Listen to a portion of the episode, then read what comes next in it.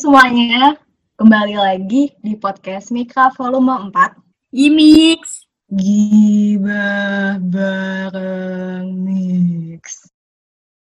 Pokoknya kan kayak sem-sem gitu kan. Jadi eh, podcast kita kali ini bakal bertemakan pengalaman horor di arsitektur UI. Yeay. Yeay. Eh, takut dong harusnya. Oh malah iya. Takut, takut kan. Di sini bareng gue yang jadi MC-nya Uzi Arsin 19 dan gue bakal partner gue Gue Abel Arsi 19 sebagai BP Mika bareng Uzi. Dan di podcast kali ini kita juga ada supervisor BPH Mika kita buat ngawasin kita selama podcast. Ada Sasa dari R18. Halo Keisha dari Arsin 18. Ale R18. Nah, sebelum kita mulai cerita-ceritanya, kita ada eh, pertanyaan dulu nih buat ngasih tahu ke kalian kayak seberapa takut atau beraninya kalian terhadap horor dengan cara Zi, bentar Zi. Narasumbernya kenalan dulu nggak?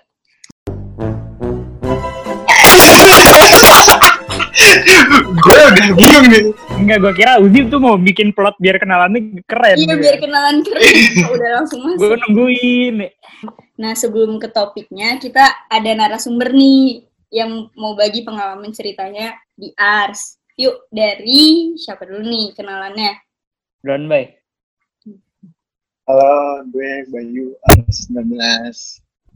Eh, gue Ojan Arsin 19. Uh, jadi sebelum kita bahas cerita-cerita yang bakal ada di pengalaman horror arts, kita mau tahu dulu nih kayak uh, berapa, seberapa takut atau beraninya lo sih terhadap horror dengan cara coba dong deskripsiin gimana lo kalau lagi nonton film horror. Kayak contohnya nih gue ya, kalau gue, gue tuh suka nonton film horror, bahkan gue ke bioskop gitu. Tapi gue bener-bener gak ngeliat filmnya, gue gak ngeliat gambarnya, gue cuma nutupin sampai itu teksnya doang yang kelihatan dan itu pun gue sampai teriak-teriakan gue paling heboh kalau lo Bel gimana? Kalau gue sumpah bener sama banget. Jadi tuh nonton horor lebih suka denger doang gitu loh. Kayak gue dengan denger doang aja tuh gue udah bisa ngebayangin oh hantunya gini gitu gitu. Jadi kayak pas keluar-keluar temen gue nanya kayak eh serem banget gak sih tadi yang scene yang ini terus gue yang kayak oh iya iya serem banget ya suaranya kayak gitu. Karena takut juga ngeliat wujudnya kan. Terus kalau dari Bayu deh, Bayu gimana? Dari gue, eh, gue sih belakangan ini jarang ya nonton horor ya. Tapi kalau misalnya gue sama ini nonton horor, gue biasa aja sebenarnya. Aja. Gue lebih takut kalau eh, film horornya itu apa ya? Bukan setan gitu loh, tapi orang beneran kayak thriller lah jatuhnya. Gue lebih takut itu jujur. Hmm. Tapi kalau misal itu kalau film horor ya. Tapi kalau misalnya lo tau gak sih video TikTok yang horor-horor gitu? Nah itu gue baru gak berani karena itu ngagetinnya gila banget. Gue bener-bener nutupin videonya pakai pakai komen. Iya gitu. Itu bener-bener ngagetin soalnya kurang ajar emang. tapi lo teriak gitu gak Boy? Eh, nggak, gue paling cuman kayak kaget gitu aja. Paham, paham. Terus kalau Ojen gimana nih? Eh, nggak? seperti yang diketahui ya, gue sangat penakut. Eh, terakhir nonton film horor itu lu tau Makmum gak sih Makmum? Oh, gue nonton yang. Jadi pas nonton eh, kaki gue dode di atas bersila di bangku bioskop. Gue peluk kaki gue bersila. Terus ya udah teriak-teriak. Aftermath sih yang paling kacau kan Makmum tuh kayak cerita lagi sholat terus ada setan yang jadi Makmum ya. Gue nggak sholat tiga minggu apa? Gue lupa. Gue takut. Itu makanya gue gak mau nonton mau kayak gitu. Kayaknya minggu keempat gue sholat nempel tembok. Ya biar ibaratnya gak ada lah di belakang. dalam noleh noleh tembok gitu Gak Iya, bisa sujud dong. Jen, bisa nempel Eh. nanti. belakang lo ya berarti ya? Belakang lo yang Iya. tembok kan? Hmm. Kan tapi mereka bisa ini Jen. Mereka bisa nembus Jen. Demi apa lu, Bay?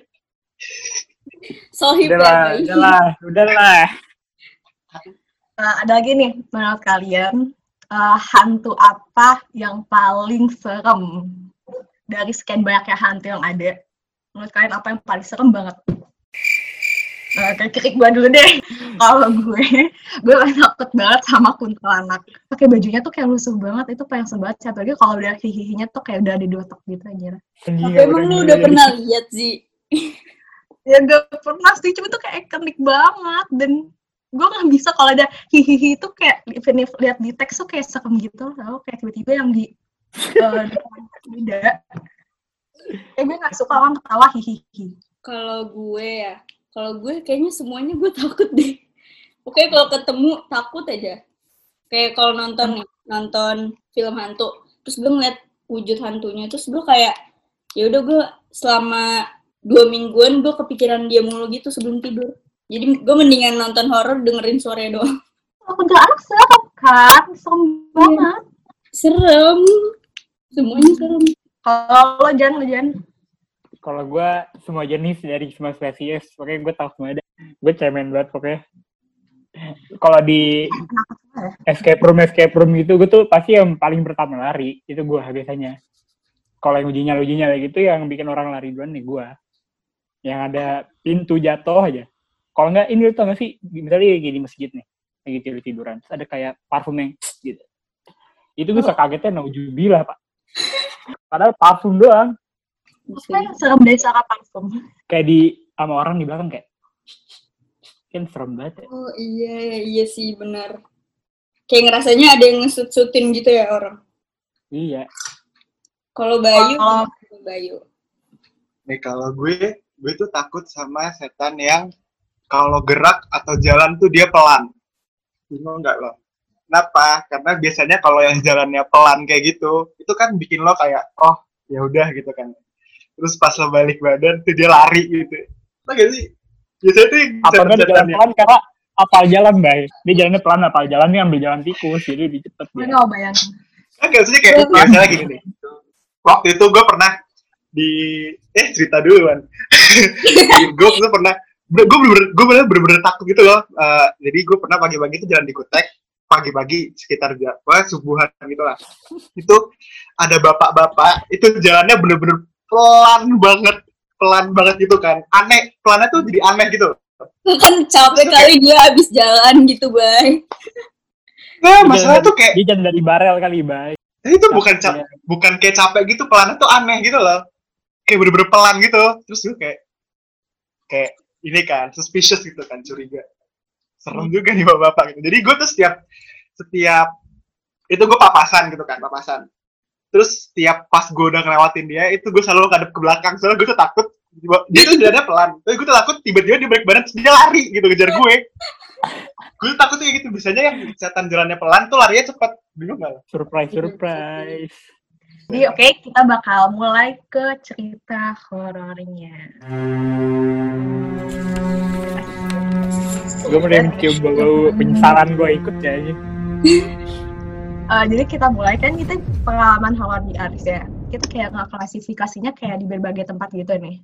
Kita bakal mulai dulu nih di paling ini gue ada pengalaman pribadi sih di sini di studio Dep dan bengkel Ars. Sumpah itu kayak banyak banget cerita di sini. Coba kita mulai dulu dari pengalamannya Ojan. Oke. Hmm, jadi tuh itu kayak awal semester 1 lagi mau film pro. Terus gue sebenarnya udah kelar, gue tuh udah kelar, gue kayak ya udahlah, gue gaya-gayanya nginep, gue gabut kan di rumah juga nggak apa-apain. Gue gangguin Ardi gitu kan. Kali dia juga kerja. Terus kayak, di nginep yuk, suruh kali nginep nih. Oke, nginep, nginep, nginep. Gue kira kalian pada nginep, kalian pada sampai jam 11 gitu kan. Ya udah gue minta kunci, gue siap-siapin kunci terus set. Gue tiduran tuh. Jam 9 gue ketiduran. Bangun-bangun jam 2 dibangunin Anggis. Jan Jan Jan tolong kunciin pintu. Gue pada mau pulang. Itu yang tadi rame. Jadi tinggal gue berdua sama Ardi aja gue berdua. Awalnya gue takut gue takut ada fitnah-fitnah aja. Awalnya gue takut ada fitnah-fitnah. Gue aneh-aneh sama Ardi.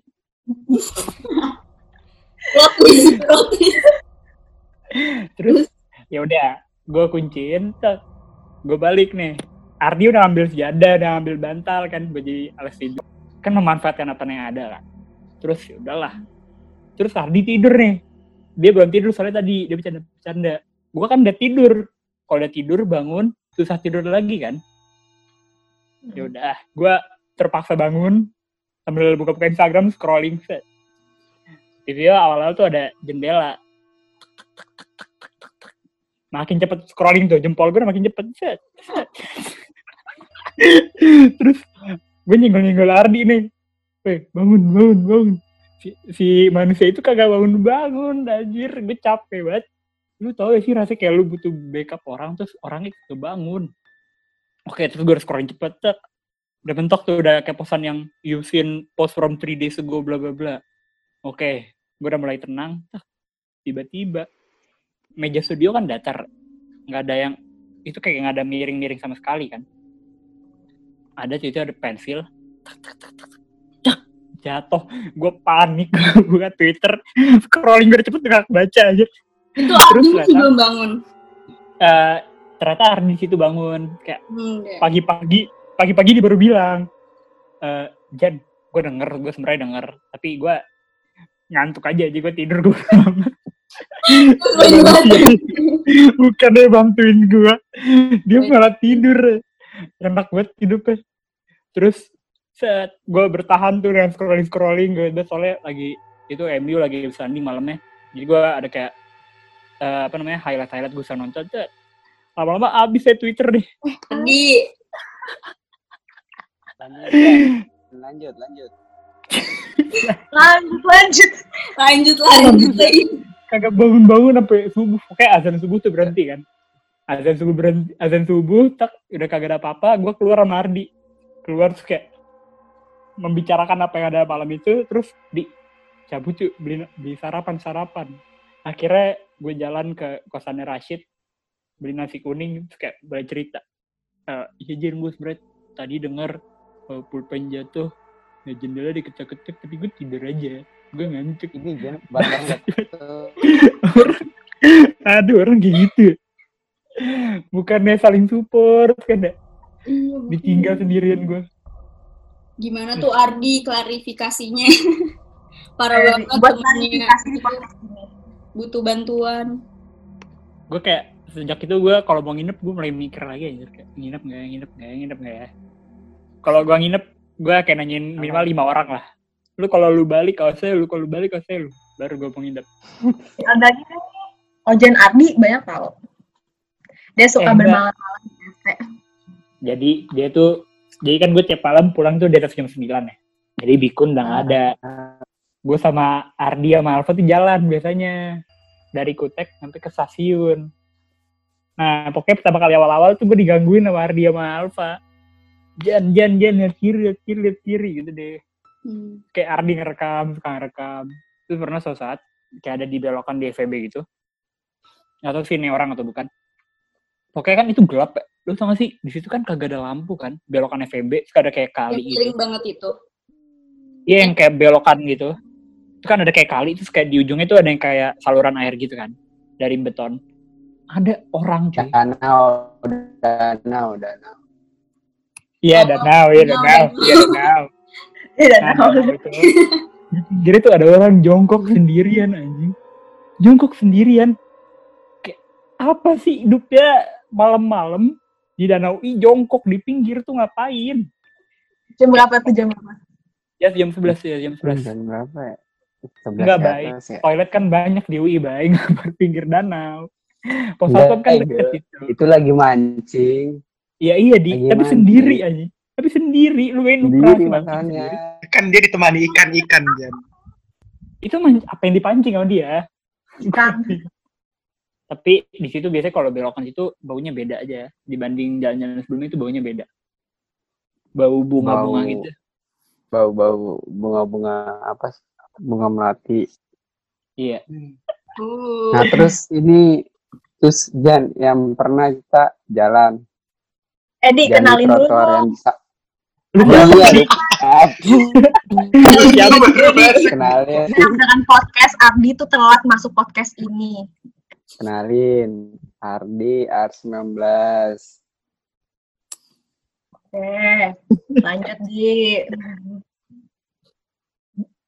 Oh terus gue ada juga cerita. Nggak tahu sih. Ini ini gue nggak nggak. Ini bukan gue ada di sana tapi gue nggak ngerasain. Jadi eh suatu saat kita 19 lagi makrab kan. Terus ada eh, manusia-manusia yang gabut kan gue di pintu. Kayak tiba-tiba mereka keluar bergerombol. Eh, Jen, ikut yuk. Ngapain? Touring FT. Touring FT. Jam 12 malam. Lu bayangin lu tau TOH kan, teknik open house tapi kayak jam 12 malam kayak teknik open house di dimensi yang lain kan. Ya udah. Awal-awal jalan-jalan keliling kan DP 3 terus turun kan. Mulai ke Texas. Mulai jadi gara-gara. di Texas hampir tengah. Eh, tahu gak sih yang cerita Texas yang itu belum kelar cerita, yang belakang lari. kan lari semua orang ya. Itu bego banget. Itu isinya udah cewek-cewek. Ya, gua kan orangnya takutan ya. Jadi ya gimana juga, gue ikut lari lah. Terus gimana ya, Jen? Nggak kapok nih, nggak kapok orang-orang ini nih. Nggak kapok di Texas doang. Dia ke tempat yang tadi belokan. Set, jalan dengan santai. Ah, cewek-cewek yang ngomong, ah apaan sih, gue nggak takut, gue nggak takut. Ah ginian doang, ginian doang. Terus tiba-tiba, Anggi Gracia, tiba-tiba ngerasa dipanggil, dia lari kan.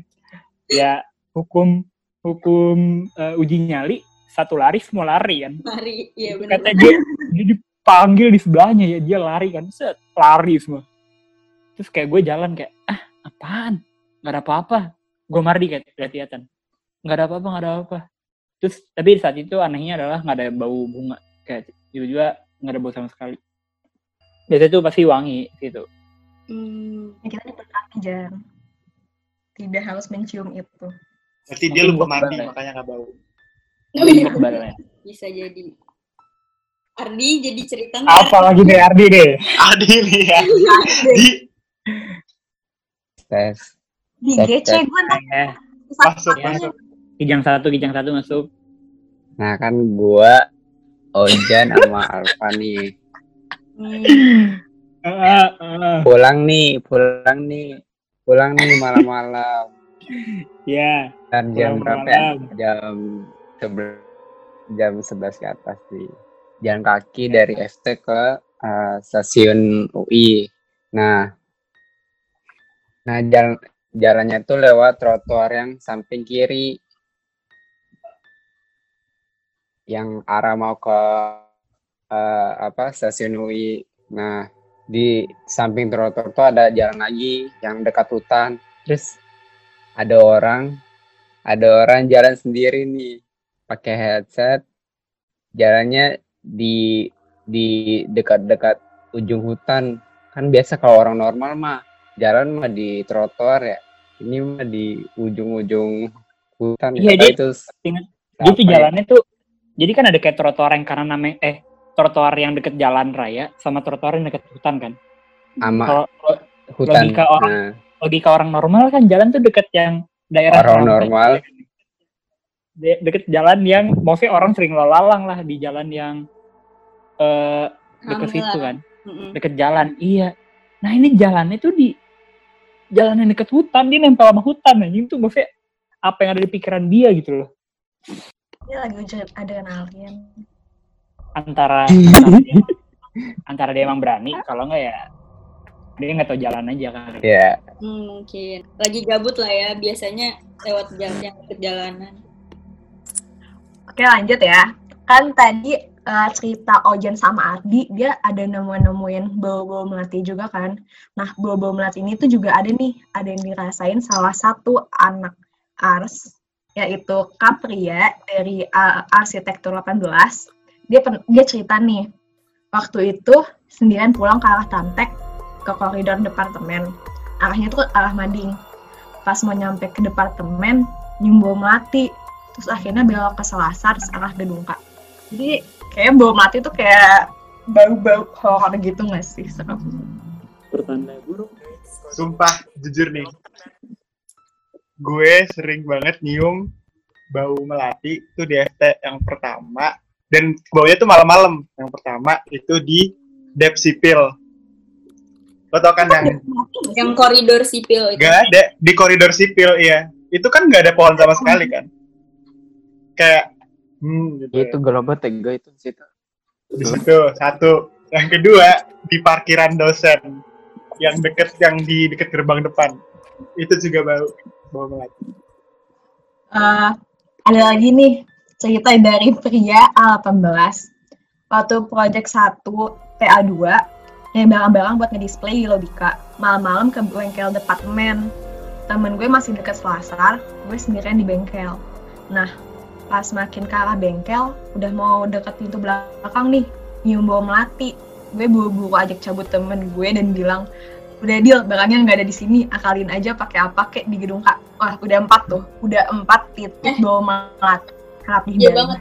Gue juga pernah. Jadi kayak kan sering ada rapat gitu kan. eh, pulangnya tengah malam gitu dari FT. Nah, selalu nih kayak em, kalau udah mau lewat kayak misalnya kan kalau dari Tamtek itu Dep Ars ke kanan kan.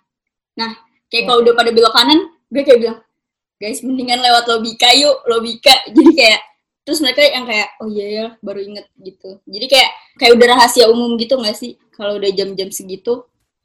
Hmm, bau karena tuh di gitu ya sepi banget kalau udah malam tuh lewatin dep iya dan baunya tuh pak juga pas di situ doang gitu nggak sih kayak abis lewat dep ars atau dep sipil udah gitu. Nggak ada baunya. Tadi kan si Abel juga lewat lewat dia mendingan pilih jalan yang lain selain lewatin dep nih. Ada lagi nih cerita dari Kak Anggia Arsin 16 jadi dia bilang nih ada tukang ada yang nukang di bengkel Ars jam 1 pagi. Lu bayangin nukangnya 1 pagi. Kayak ada suara tukang gitu. Gue lagi jalan sendirian mau ke depan. Suaranya kenceng banget kayak lagi malu tapi pakai besi. Terus semakin gue deket ke bengkel tiba-tiba suaranya melan. Terus berhenti total. Terus gue auto belok ke kanan belakang tribun yang tadinya dia pengen lewat Dep Ars tapi dia nggak berani. Terus akhirnya dia ngelewatin lewat yang tribun gitu loh yang atas tribun. Nah abis itu pas gue agak ngejauh dia mulai nukang lagi. Jadi bisa simpulin di bengkel itu ada hantu nukang tahu nggak sih? Kayak siapa tahu pas, pas dia lewat istirahat gitu kan capek. Dia cerita bengkel juga ya sebenarnya tuh ke bengkel tuh kayak film horror banget karena gue gue personally gue pernah ada pengalaman gitu. Bukan gue sih gue yang liat temen gue. Jadi kita pas lagi makap gitu udah tengah malam nih. Kan gue sama temen gue biasanya gombolan gitu kan kayak jam sendiri sendiri terus tiba-tiba satu dari temen gue itu hilang kayak hilang kayak tiba-tiba setiap orang, setiap orang kita tanya tuh nggak tahu temen gue ke mana. Terus tiba eh, pas kita cari-cari ada satu temen gue nih yang dia nemu eh eh itu tuh si itu ada di bengkel. Jadi pas satu orang temen gue ini bilang eh eh si ini ada di bengkel di bengkel. Tapi gue takut ayo dong bantuin panggil. Terus akhirnya kita merame keluar gitu kan. Terus pas kita lihat ke bengkel dia tuh udah ada di dalam bengkel. Dalam bengkel kan ada bengkelnya tuh main luas kan dia ada di pojokan yang gelap kayak sendirian gitu. Terus kita panggil panggil kan eh si A si A. Terus dia pas keluar tuh kayak bingung gitu. Jadi itu serem banget tiba-tiba hilang. Ditemuin di bengkel. Dia di bengkel pas lo temuin diem doang. Apalagi nukang kenapa? Ngapain kayak bingung? Gimana sih? Orang tiba-tiba sadar gitu. Emang orang yang bingungan ya sih? Iya sih emang kayak bingung Dia lagi tapi serem banget tuh sumpah tuh kayak dia lagi mikirin eksplorasi Vega. lagi iseng kali. Udah kagak waktunya itu Makasih, anjir. Nah, kalau Uzi tadi kan ada tuh cerita temennya yang di bengkel. Nah, kalau ini ada cerita dari Kak Anggia Arsin 16 tentang CCTV Dep. Jadi dia cerita sama Mas Ipul di Dep. Jadi Mas Ipul ini yang suka jagain CCTV gitu.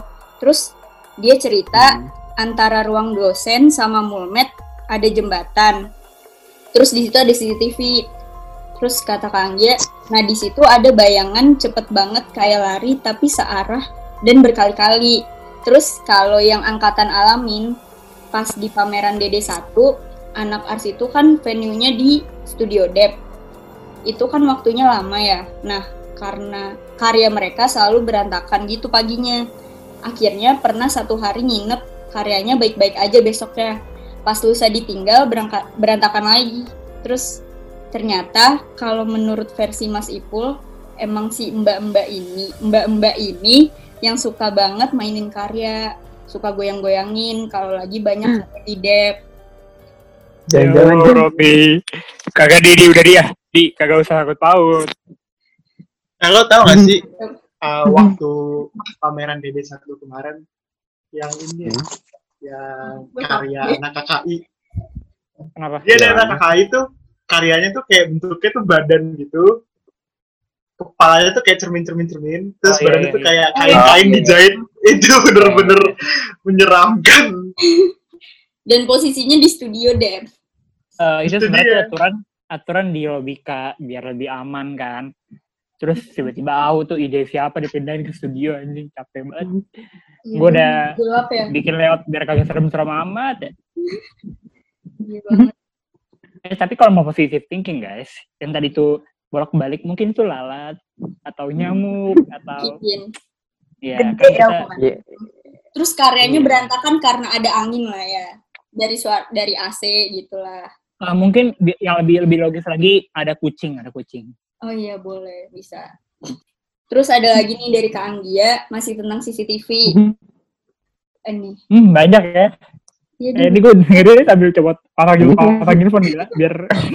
uh, jadi uh, Kak Anggia tuh emang suka cerita-cerita sama Pak Ipul atau teman-temannya pokoknya saling cerita sama Pak Ipul ini. Nah katanya oh, iya. ngeliat boleh motong dulu nggak Ber? Boleh Ber. Mas Ipul ini, I, ini Mas Ipul nih orang rada rada-rada. Jadi subuh subuh eh jam 6 gitu gue kan balikin kunci dep ke dia kan. Mm -mm. gue balikin kunci. Tuh di belakang tahu apa aman kan? Nggak ada yang gangguin kan? Sama. Sama. Mungkin udah biasa sama. di gue juga pernah yang waktu habis makrab. Makrab pagi-pagi kan selesai selesai kan. Mm -mm. beresin tuh mm. nanya. Tadi pagi eh, tadi malam nggak apa-apa kan? Tuh kayak hmm. hmm. maaf nggak ada yang ganggu kan? Ini masih tentang CCTV katakan dia kalau ngeliat CCTV dep itu emang banyak banget yang horor kata Pak Ipul. Terus kalau versi yang bisa ngeliat sih penunggu dep itu ada mbak-mbak yang tadi Uzi bilang yang suka mondar mandir tapi dia emang hobinya di studio profesi. Studio profesi itu yang mana? Lantai paling atas oh iya yang dekat musola ya Ya. Nah, dia hobinya di studio profesi. Sama ada lagi gak tahu apa, tapi kalau gak salah kecil. Gak ngerti. Udah cuma sampai situ doang. Hah? Kecilnya tuh gak tahu apa. Anak kecil. Mungkin anak kecil saya. Iya. Udah gitu. Uh. Uh, BTW, tadi lu ceritain gue gak denger, gue copot earphone aja. Gue copot earphone biar gak kedengeran. Oke, lanjut deh yuk. Nah, kalau tadi kan di studio Dep sama Bengkel Ars. Nah, sekarang kita pindah tempat nih ke studio EC sama Live EC. Oh, tidak Live EC. Mungkin bisa dimulai dari Bayu deh. Kayak ada cerita-cerita nih, Bayu. Ceritanya kurang lebih waktunya tuh deketan. Tadi kan Ojan bilang pas masa-masa Pro Dede kan sama gue juga pas masa-masa Pimpro Dede. Waktu itu gue pengen niatnya pengen ini nginep di studio. Karena kan orang-orang katanya pada nginep kan. Tapi pas hari itu orang-orang tuh pada pulang. Kurang ajar banget. Mana? Bener-bener kayak sama ya sama ya. Baik. gue udah lihat pulang gue udah lihat nginep gitu kan. Terus temen gue juga ada kebetulan anak uh, Arsin. Dia kayak eh bay lo nginep gak? Kalau misalnya nginep uh, gue pulang gitu kan. Terus gue bilang gue nginep kan ternyata yang gue tahu orang-orang tuh pada nginep gitu. Tahu-tahu orang pada orang-orang pada balik kan gue jadi gak enak kan. Dia nggak bisa pulang karena dia naik motor gitu kan. Terus sedangkan kosan gue tuh nggak boleh bawa orang kan. Terus kayak Duh, gimana nih gitu. Kebetulan ada temen gue yang anak KKI dia bilang ini uh, katanya teman-temannya dia tuh pada nginep di studio KKI gitu itu posisinya udah jam 11 12-an lah udah mulai sepi kan kita kayak oh ya udah gitu kalau gitu langsung ke sana aja ke studio KKI jalan tuh kita jalan hmm. terus tuh studio KKI itu kan eh, ada dua pintu ya. Satu tuh pintu depan yang eh, nyambungnya tuh sama ini eh, lobby EC, tau kan? Satu lagi pintu belakang itu yang nyambungnya sama wall kapa. Wall kapa kan ada tangga gitu. Oh Di iya, dekat wall kapa ada tangga kan. Nah tangga itu tuh yang tek kelas berarti. Hmm, hmm, kayak ada balkon terus ada pintu gitu. Ada pintu itu masuk ke studio EC KKI. Udah tuh kita jalan, kita nyampe di situ tuh. Terus gue kira rame kan yang nginep kan. Pas gue lihat dari pintu kaca tuh kayak cuma satu orang gitu, terus ngadep ke depan. Nah, maksudnya ngadep ke depan tuh kayak ya, jadi yang gue lihat tuh cuma rambutnya doang gitu. Hmm. Terus gue ketok-ketok kan, gue ketok-ketok, kok dia nggak nengok gitu. Terus si temen gue yang anak kakak ini langsung ngelain di grup chat kan. Ada nggak ya, eh, ada yang di dalam nggak gitu. Gue lagi di luar nih, soalnya kan dikunci kan. Gak ada yang bales tuh, gak ada yang bales. Dia ketok-ketok Hmm. lagi. Bingung nih gue, kok nih orang gak, gak ada nengok gitu kan. Panik, udah panik kayak. Akhirnya 3 sampai 5 menitan ah, dibalas akhirnya di grup chatnya teman gue ini teman gue anak KKI ada orang lah. Bagusnya ternyata ini ini beneran orang yang di dalam. Temennya Hmm. dia gitu kan. Akhirnya gitu dibukain dibukain. Terus udah dibukain kita masuk. Terus kita nanya dong kenapa tadi nggak dibuka? Eh, kok tadi nggak dibuka? Langsung dibukain sih gitu. Terus dia cerita katanya di studio kakak itu pintu yang di deket eh, pintu yang arah ke wall kapa itu orang dari luar bisa ngeliat ke dalam tapi orang dalam tuh nggak bisa ngeliat keluar terus pernah ada satu saat lagi nginep nih lagi nginep di studio KKI ada yang ngetok-ketok kan orang dalam nggak bisa lihat yang di luar kan pas Hmm. dibuka itu bener-bener orang nggak kenal terus langsung lari Hmm.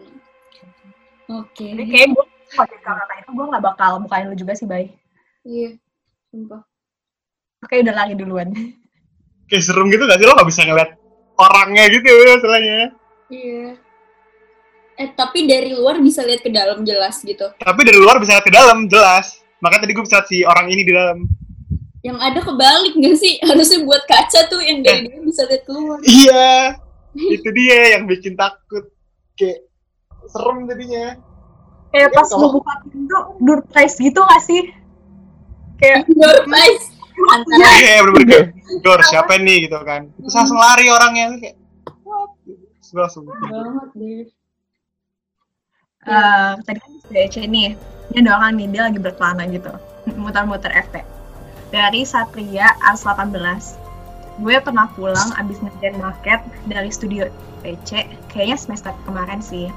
Waktu itu jam 2 sampai 3 pagi, anak ars banget. pulang mah. Bener. Pulang kan. Gitu gue mau balik ke kosan karena mau tidur sebentar. Pas lagi jalan lewat departemen ars, tiba-tiba tuh gue dengar suara langkah kaki dong. Gue mikir ah paling gue ngantuk lah ya. Mikir yang enggak-enggak tapi suaranya tuh kayak makin deket gitu. Sampai gue nyampe gedung kak suaranya udah nggak kedengeran. Nah terus udah mulai tenang. Eh tapi pas gue keluar gedung kak di sekitar di kanan tuh kedengeran lagi panik dong. Gue jadinya gue rada cepet tuh. Tapi suaranya juga mulai malah makin cepet. Kayak ngikutin gitu. Mana pos FT nggak ada orang lagi. Dan gue udah mulai lari kecil juga. Pas nyampe pos sapam yang depan kutek gue udah nggak denger suaranya lagi. Dan untung kutek masih lumayan rame jadi gue berani. Sumpah selama jalan itu gue nggak berani noleh belakang tiba-tiba ada yang ngikutin. Itu jam 2-3 pagi langsung lari sih Beda Itu ya sama Bayu. aku. Kalau Bayu Tem- malah dinengokin ke belakang. itu temannya Apa di kenapa? itu temannya iseng kok Tapi emang Kutek itu adalah tempat perlindungan paling aman. mau Sampai pagi jam pun berapapun juga rame. ada pernah bener-bener kutek tuh bener-bener mati semua pernah gue malam-malam pulang bener-bener mati semua terus biasanya di depan di depan Eh. gerbang kutek tuh ada yang jualan gitu kan warung rokok gitu kan ini bener-bener gak ada orangnya terus sa- satu kutek mati lampu tuh kayak tidak lagi jalan sendiri tapi. hmm, lagi jalan Wah, sendiri Mampus itu. Mampus itu lu. lanjut bang Lah lu sih ini. ya kita lanjut ke narasumber tiga kita ke ceritanya Sasa Alap Ars 18. Ya sebenarnya ini bukan cerita gue sih, gue diceritain gitu waktu itu. Hmm. Jadi kalau yang dengar waktu itu kalian menceritakan ke gue, terus maaf ya kalau misalkan gue ceritain tapi ada salah-salah kata atau apa. Soalnya gue ingat-ingat lupa. Jadi, pokoknya waktu itu ceritanya gini. Lupa-lupa ingat. Iya, lupa-lupa ingat, ingat-ingat lupa iyalah teman Jadi gini, eh, pokoknya ceritanya tuh di EC gitu deh, studio EC. Kalau nggak nih cutting gitu. Pokoknya waktu itu dia lagi nugas studio EC gitu kan. Lupa studio EC lantai berapa. Kayaknya lantai 4 atau 6. Nah, terus si orang ini anggap aja I lah ya, namanya I. Terus pokoknya si I ini eh, ketiduran gitu di studio EC. Terus tiba-tiba pas dia kebangun, itu udah malam dan di studionya itu udah nggak ada orang kecuali dia. Udah kosong gitu deh. Terus dia tuh kebangun gara-gara dia dengar suara orang bisik-bisik itu. Dan yang didengar tuh bisik-bisiknya tuh deket banget sama dia gitu kayak di eh, sekitaran kepalanya dia gitu deh. Saking deketnya. Terus eh mungkin dia ngerasa gelisah atau gimana dia langsung beres-beres terus keluar studio gitu kan. Terus emang pokoknya katanya gue lupa ini kata siapa. Pokoknya emang di EC kan agak agak-agak gimana gitu ya serem lah ya. Terus katanya emang ada yang tinggal gitu di lift EC kayak setan gitu. Tapi setan itu badannya selalu ada di liftnya itu. Eh kalian tahu kan lift EC kan suka error-error gitu lah ya. Iya. suka mati. Mm-mm. terus pokoknya badannya tuh selalu di E- selalu di liftnya ini. Tapi lehernya tuh panjang banget. Jadi katanya eh kepalanya tuh suka kel- berkeliaran gitu lah di EC tapi badannya masih di lift. Jadi kalau yang cerita gue tadi katanya eh itu tuh yang suara-suara bisik-bisiknya itu dari si setannya ini dari si hantu ini. Eh tapi untungnya si I-nya itu gak nengok ke atas pokoknya mungkin kalau nengok ke atas bisa ngeliat si hantu ini I don't know ya gitulah pokoknya Hmm. Takut. Serem banget juga. Dan depan kasihan, kenapa dia ditinggal sendiri? Itu kayak tega banget itu gue juga Gak dibangunin ya? gitu kan Itu tega Gak banget. Itu tega Itu, banget. ya ampun jahat banget itu guys gak boleh ya Gak boleh Gue kalau jadi dia, gue bener gue musuhin semua orang. Iya, gue langsung ngomel-ngomel sih pasti kalau kayak gitu. Iya. Kayak gue bakal lupa deh, gue bakal langsung pulang bareng-bareng gue tinggal aja. Gue takut banget ya. Susah juga sih keluar EC tuh? Iya, Pintunya banyak yang dikunci ada- kan. Iya. Hmm. Coba Hmm. bayangin tengah malam, Bel. Lo jadi kayak gitu. Ih. Apa yang akan lo lakuin? Loncat dari jendela. itu studio EC lantai berapa tuh lupa empat apa enam kayaknya enam deh Aduh, paling atas lagi. Nah, lantai 6 nih, Bel. Bentar ya. Menyambung dengan selanjutnya. Hmm. Bentar. hmm. Ceritain. hmm. Gue udah Eh, studio gue nambah deh. Alatan studio gue udah bukan cuma pensil, penghapus, penggaris, tapi ada kayak Al-Quran dan sejadah ya, biar didekati. Gue mah bawa doang. Baca wow ada. Eh, bro, yang penting niat bro. Yang penting niat bro. lu mah niat bawa tapi nggak niat sholat anjing eh, gak gitu. Pertama niat bawa dulu. Ya. Niat bawa, kayak, ntar muncul pemikiran kayak, ah masa gak dipakai? Ntar lama-lama sholat bro. Iya, lu pemikirannya kan bukan gitu. Ah, niat bawa aja dah. Ntar pas mau Iya, sholat, itu- nah, yang penting ada itu dari niat. Ya, Eh, takut sih baca gini sih. Lu fakut, itu sebanget sih.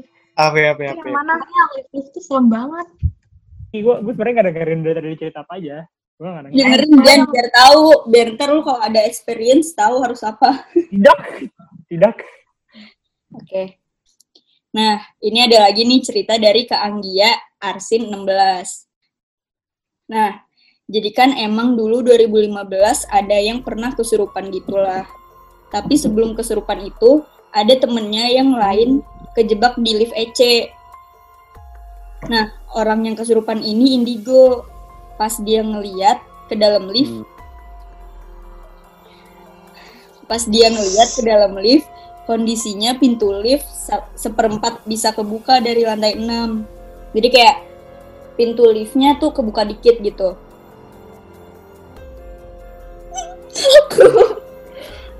Itu ternyata ada yang nongol gitu lehernya panjang. Karena dia tahu kalau si 2015 ini bisa ngeliat akhirnya diikutin lah dan kesurupan. Tapi lucunya ada temennya yang marah-marah pas kesurupan. Terus bilang gue mau nugas anjing keluar lu sekarang dari temen gue. Orang kesurupan. Jadi ngakak. Pokoknya Dia lebih Nah, terus setelah kejadian itu kan gue diceritain. Abis itu udah dong semua berjalan normal. Sampai suatu hari, jadi Kak Anggia tuh pokoknya lagi ada kegiatan lah di EC. Terus, ini dia cerita ya. Terus gue naik lift bertiga sama anak non-ars dua orang. Kondisinya itu jam 8 malam dan EC emang udah sepi. Semua kamar mandi udah dikunci kecuali lantai 5 akhirnya naiklah kita ke atas. Terus mereka ini dua-duanya senior anak sipil 15. Terus mereka bercanda-bercanda gitu awalnya, tapi lupa gue bercanda apaan. Intinya bahas hantu-hantuan itu, pokoknya hantu yang tadi yang leher panjang. Terus Hmm. gue nyeletuk di lift ini juga ada tahu kak. Terus liftnya mendadak mati, semua hening. Terus gue coba pencet-pencet, akhirnya baru bisa jalan lagi. Hmm, Berarti jangan asal sebut nama. Nggak boleh ngasal. Iya. Gak boleh ngasal. Ya udahan yuk. Seru, banget. Takut banget. Oke, masih Kak Anggia yang cerita. Gue lagi sendirian di studio Dep, lagi bikin gambar perspektif. For your information, Dep tuh banyak banget horror story-nya. Kalau mau tanya ke Mas Ipul dan Mas Saib SYP, nggak tahu macam. Em, jadi katanya oh yang dia alamin tuh di studio C standar aja kayak ada yang lewat-lewat dan geser-geser kursi. Kalau ini gue alamin di C dan EC soalnya beberapa kali sempet di studio sendirian, nggak ada orang, terus paling ketara emang suara nyeret-nyeret kursi. Gitu deh, guys. Gila ya. Yang ya ceritanya. Jangan hening dong. studio dep itu yang bunyi kursinya kriak-kriak kan belum yang sebagus Ece. Yang I, itu mejanya gak sih? bunyi Iya. Mejanya anjir yang menyebalkan. eh sama sih kalau dengar suara bunyi kursi itu. Tapi paling absurd emang yang bengkel sih itu paling jelas soalnya awal-awal tempo malunya dikit. Oh, tempo Oh, dia yang tadi. Yang malunya stabil. Tapi pas gue dateng langsung makin hilang. Tapi kalau dibuat grafik itu nukik tajam gitu suaranya. Nukik Oke. tajam gimana sih? Internet. Terus kayak langsung hilang gitu. Jadi kayak dari Oh, dari sedang terus tiba-tiba langsung pelan langsung hilang. Ya, mungkin. Ya, itu deh. Cerita, ini cerita terakhir dari Kak Anggia, Arsin 16. Jadi kebenaran cerita ini gak tahu ya, tapi ini yang diceritain ke aku. Mungkin kayaknya udah pada tahu juga sih, ini sering diomongin gitu. Dulu banget ada yang nginep di studio S lantai 6. Studio S tuh EC ya? Gedung es berarti. Oh, gedung S. Sebelum di Ece kita di S. Ah. Oh, Iya, dulu itu 2018 bukan di sana. Hmm, nggak tahu nggak nyebutin siapa yang ceritain. Pokoknya ini dulu banget ada yang nginep di studio S lantai 6. Nah, tapi gak banyak yang nginep. Abis itu tiba-tiba dari jendela ada tukang bakso lewat. Terus ada yang teriak, "Oi, mau bakso gak?" Terus pada kayak, "Mau, mau, mau." Terus baru sadar itu lantai 6. Kayak kata gitu ya, sakit malamnya terus bangun. Baru sadar. Lantai 6. Gila. Eh bentar, di di Kantek tuh ada yang jualan bakso nggak sih? Gak ada kan? ayam gak sih? Gak, gak ada. Mie ayam kan, Mie ayam doang, mie ayam. Jangan-jangan gara-gara itu anjir, gara yang jual bakso ya nggak sih? Gak tau deh. Jangan bikin Bisa jadi kan? Iya bisa jadi, dia nggak mau jualan bakso gara-gara ada yang udah jual gitu, tapi dia nggak kelihatan. Oh, mau dong. Aduh, takut banget. Sama lo pernah tahu gak sih eh, ini biasa? Gue gak tahu ya masih ada tau nggak akhir-akhir ini. Tapi dulu tuh kalau gue main-main eh, main-main sama malam di FT itu suka ada tukang sepotong Oh iya, itu asik. Gue somai. karena itu gue jujur takut. jangan gue beli. Nggak, bukan sekoteng. Nggak, nggak, bukan sekoteng sih gue. Makanan. Makanan Apa ya? Nggak, gue gak tau, gue lupa. Pokoknya ada tukang gitu malam-malam. gue takut lah, karena dia baru datang malam soalnya kan. Iya. Tapi yang dia sering ditamcek Kok orang lihat, jadi gue beli. Oke. Gila, nightmare. Nightmare, nightmare, ngomong yang bener. Suara gue Nightmare. Aduh, malam Jumat Adi.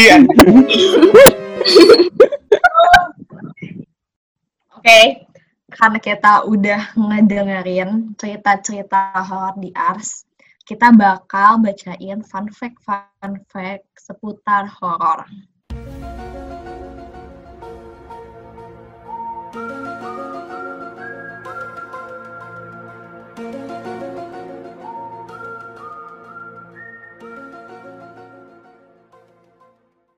Ini ini fun fact horor ya. Apa funnya guys?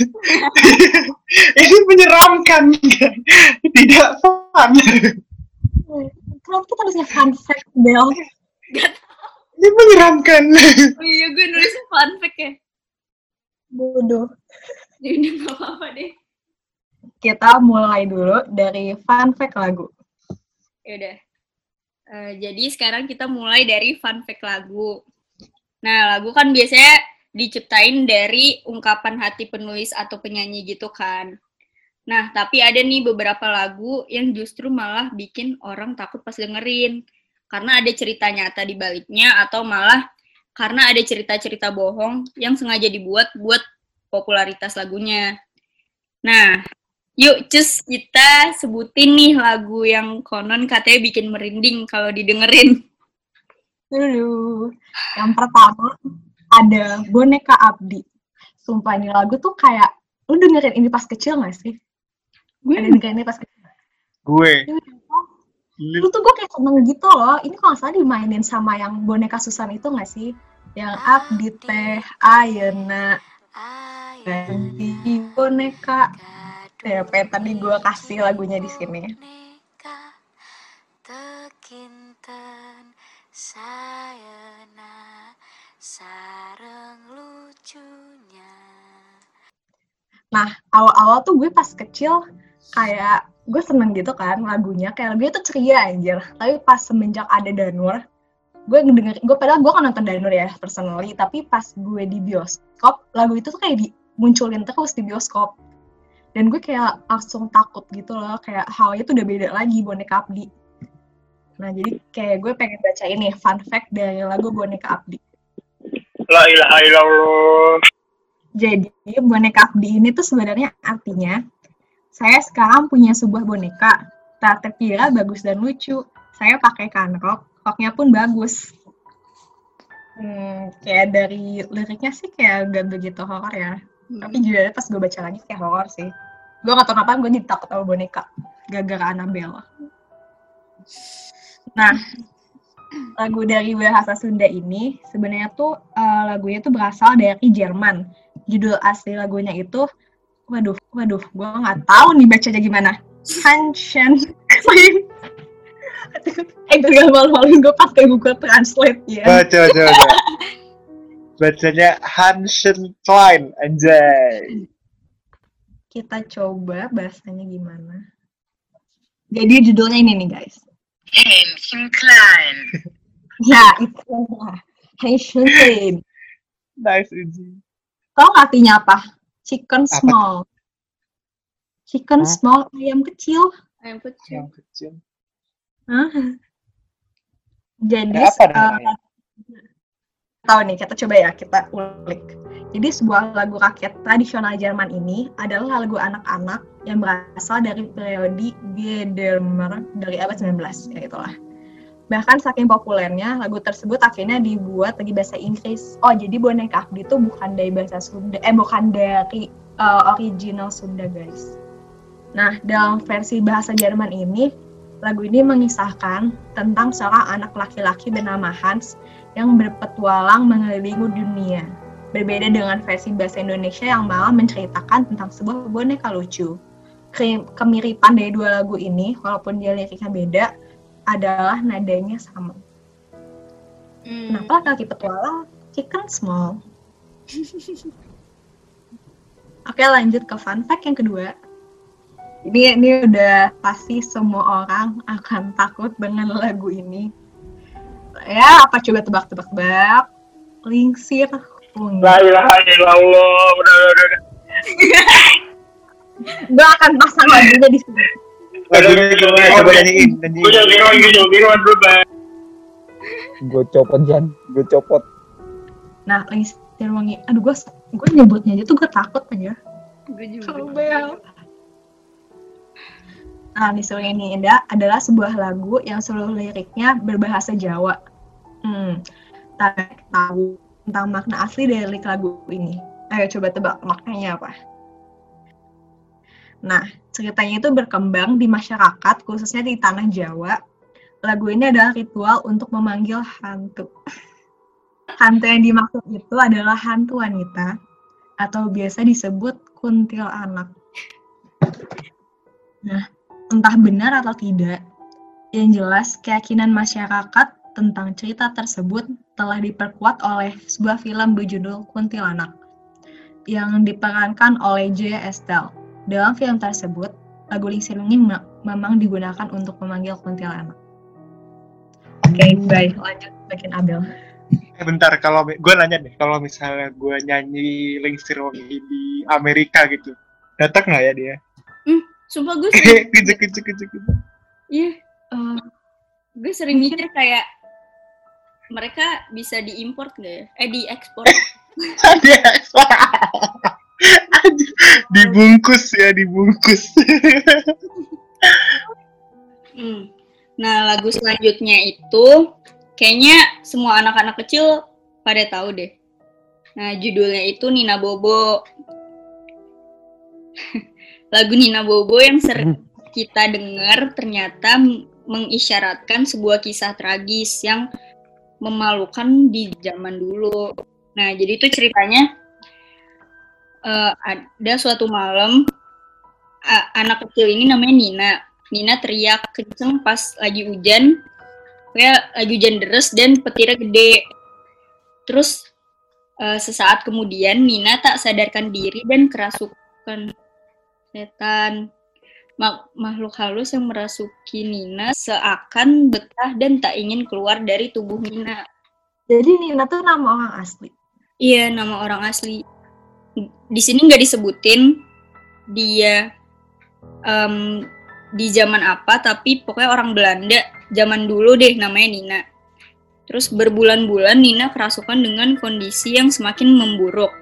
Hingga suatu malam akhirnya makhluk halus yang merasuki Nina keluar dan Nina tersadar. Nah, ibunya yang kala itu mendapati Nina sudah normal, menangis melihat anaknya sembuh. Sambil menangis, Nina berkata, "Ibu, aku takut." Ibunya menjawab dengan menangis juga, "Tidak apa-apa, Nak. Ibu ada di sini. Ayo makan, kamu pasti lapar." Nina menjawab, "Nina tidak lapar, Bu, tapi bolehkah aku meminta sesuatu?" Ibunya membalas, "Boleh, Nak. Apa pun itu ibu pasti kabulkan." Nina berkata, "Aku mengantuk. Aku hanya ingin tidur. Maukah ibu menyanyikan sebuah lagu untukku?"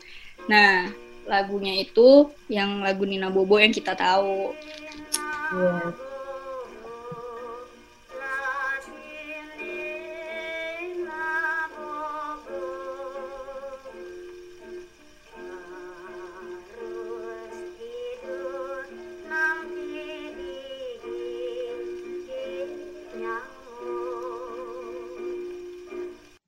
Dark juga ya ceritanya. Tapi dia dapat royalty gitu nggak sih kalau udah membuat lagu? Kan kayak dipasang. Royalty anjir. Bisa aja mikirin royalty. oh, tapi abis di dinyanyiin itu si Nina bobonya pulas dan tidak pernah terbangun lagi. Mati dong. Iya, bukan pules. Kan ya. Oke, fix gue gak mau nyanyiin lagu itu. Gue nanya dong, itu pas dia buat lagu bener dinyanyiin kalau tidak bawa digigit nyamuk gak? Banget anjir. Oh iya. Kalau tidak bawa digigit nyamuk. Dari fact-nya sangat fun gue ya. Dengerin Jan. Wizi udah minggir gitu duduknya. Eh, Oke, kan tadi kita udah bahas fun fact tapi tidak fun fact lagu. Kita akan lanjut ke fakta di balik syuting film. Yang pertama itu ada film The Exorcist. Eh, ada yang pernah nonton gak nih film The Exorcist? Jan. Bayu, Adi. Gue gak Abel. pernah, belum. Nggak pernah. Anjay, Yang belum. kayang itu kan yang kayang. Yang kayak Di- turun tangga. Eh, Ini gue kayak jago. Kesurupan. Gue gak nonton sampai selesai sih, tapi dia kayak ada film-film kesurupan gitu. Dia kayak gue sampai gak berani nonton sampai akhir. Nah, berdasarkan faktanya nih, selama syuting film, film ini tuh kan berkisah nyata yang terinspirasi dari pengusiran setan di tahun 1949. Di mana sang pendeta itu harus melakukan pengusiran selama berminggu-minggu. Hmm. Jadi dia dari nyata, oke. Nah, tapi yang lebih serem lagi, karena selama syuting ini, aktor Jack McGurn, oke maaf kalau gue salah nyebutnya, dan Vicky Maliaros, dua-duanya meninggal dunia gak lama mereka mengambil gambar The Exorcist. Anehnya lagi, kedua karakter mereka juga meninggal di film tersebut. Dia tuh kayak karakter pendamping gitu, Heeh. tapi so- jadi kisah di filmnya dia meninggal terus akhirnya setelah dia syuting filmnya dia ikut meninggal gak sih Wow. kayak ikutan nah bukan dari si aktor dua aktor itu tadi nih pemeran utama Linda Blair-nya itu juga mengalami punggungnya yang terluka cukup parah saat mengambil adegan Regan harus terlempar bolak-balik di atas kasur. Itu mas kesurupan. Linda harus beristirahat beberapa hari sebelum syuting kembali. Dan kakek Linda Blair dan kakak dari Max Sydow Sydow juga meninggal di hari pertama mereka mulai syuting. Rumah yang digunakan adalah rumah McNeil dan mereka terpaksa menunda proses syuting selama enam bulan karena semua keperluan, keperluan syuting terbakar. Anehnya, hanya satu ruangan yang selamat. Ruangan itu adalah kamar yang digunakan untuk syuting Regan dan kerasukan. Oh my god, conspiracy. Jangan dengerin Jan. Tapi aduh, tuh kayak serem banget ya sih buat syuting. Gue gak kebayang sih kalau gue harus syuting horror. Hmm, Sama sih. Tadi kan kita udah dari luar negeri nih. Kita balik ke dalam negeri. Nah, balik lagi nih ke film Indonesia buatan sutradara terkenal yaitu Joko Anwar. Nah, yang pertama tuh ada kisah lonceng ibu yang berpindah tempat. Awalnya ada di rumah Joko Anwar, tapi tiba-tiba ada di rumah Raditya Dika. Jadi ceritanya gini, di YouTube-nya Raditya Dika, dia tuh ada promosi film Pengabdi Setan sama si Joko Anwar ini. Nah, pas promosi film itu Joko Anwar tuh bawa loncengnya ke rumahnya Raditya Dika kan. Terus dikasih tuh dikasih lihat kayak eh mana mau dong lihat loncengnya kayak gimana. Terus dibuka dong, dibuka, diambil sama Raditya Dika, dibunyiin. Nah, dibunyiin, udah abis itu gak lama eh, kan dia syutingnya di rumahnya di studio rumahnya Raditya Dika. Nah nggak lama tuh lightingnya mati. Nah yang mati lampu tuh cuma di ruangan itu doang, yang di tempat di mana lonceng itu dibunyiin. Terus udah Gak lama nyala lagi, loncengnya dibawa pulang kan sama Joko Anwar. Terus beberapa hari setelahnya ya, atau beberapa waktu setelah syuting promosi itu, Joko Anwar mimpi. Eh, Joko Anwar mimpi. Nah di mimpi itu Joko Anwar kayak dikasih tahu sama anak kecil yang dia nggak kenal loncengnya ada di rumahnya Raditya Dika. Pas bangun bener loncengnya nggak ada. Iya, loncengnya hilang. Pas bangun loncengnya hilang, terus udah. Abis itu gimana sih sih? Tapi kalau satu pas ternyata loncengnya tuh tiba-tiba ada di rumahnya Radit. Padahal sebelumnya ada di rumahnya Joko Anwar. Karena udah ditemuin, dibawa pulang juga kan sama Joko Anwarnya. Oh, kalau nggak salah ini deh, kayak pas Radit lagi ngapain gitu, terus dia denger lonceng. Pas dia baru nyadar kalau tiba-tiba ada lonceng di rumah dia. So, dia denger itu. Oke. Terus Joko Anwar taunya karena dari mimpi itu ada anak kecil yang ngasih tahu gitu kan. Wow, gila sih. Oke. Terus fun fact yang kedua, uh, salah satu pemainnya yaitu Dimas Aditya mengalami kejadian mistis saat proses syuting. Anehnya, dia selalu sakit setiap berada di lokasi syuting yang dilakukan di Pangalengan, Jawa Barat. Namun setiap ia pulang ke hotel, ia langsung sembuh. Mungkin, mungkin banyak debu. Positive thinking. Nah, yang ketiga, pemeran lainnya yaitu Ayu Laksmi saat syuting film Pengabdi Setan mengalami momen mistis. Beberapa minggu di awal syuting, wanita berusia 49 tahun ini mengalami fenomena ketindihan. Hmm, eh, ngomong-ngomong soal ketindihan, pada pernah nggak ketindihan? Bayu, Ojen, Ardi, pernah nggak? Gue pernah, gue pernah. Pernah apa tuh? Tindih. Kemudian enggak kayak ditahan, kagak bisa bangun. Gue gak pernah, tapi gue sering denger cerita aja. Temen gue ada yang sering tuh ketindihan. Kayak ketindihan tuh ini gak sih? Kayak badan lo gak bisa ngapa-ngapain, tapi mata lo kebuka. Iya. Iya, Lu bisa padahal sadar. Gak bisa bangun. Tapi lo pas lo ketindihan sadar. Gitu nggak ngeliat sesuatu. Soalnya kan kalau gua. kan kayak fenomena kayak emang dijelasin secara apa sih secara dokter gitu lah emang bisa bukan Bisa, karena kan? eh. tapi tuh kadang ada orang yang ketindihan tapi pas dia melek tuh dia ngeliat sesuatu yang aneh dan itu yang buat horor menurut gue. Ada temen gue ngeliat gituan. Ngeliat pocong waktu dia ketindihan. Anjir. Kayak tersiksa banget aja lo gak bisa ngapa-ngapain. Makanya itu dia. Depan mata. Iya. Agak jauh sih. Sama aja, hantu-hantu juga. Oke. Makasih banget nih buat narasumber-narasumber kita yang udah ngisi Google Form-nya dan yang udah berkesempatan untuk ceritain langsung di podcast kali ini. Ya. Jangan lupa juga buat dengerin Gimmicks volume 1, 2, dan 3. Itu juga seru banget. Volume 1 itu ada tentang gimana caranya sebagai warga ARS mendukung departemennya sendiri. Volume 2 tentang gimana sih eh, pandangan ARS di mata teknik. Dan yang ketiga nih seru banget juga nih eh, ngajarin kita gimana caranya hidup sehat sebagai warga ARS. Terima kasih Nih, udah dengerin podcast kali kali ini. ini. See you See next time. Hati-hati tuh di belakangnya ada apa? Hmm. Oke, selesai. Di Eh, belakang lu, Beng, ada apa, Beng? tembok.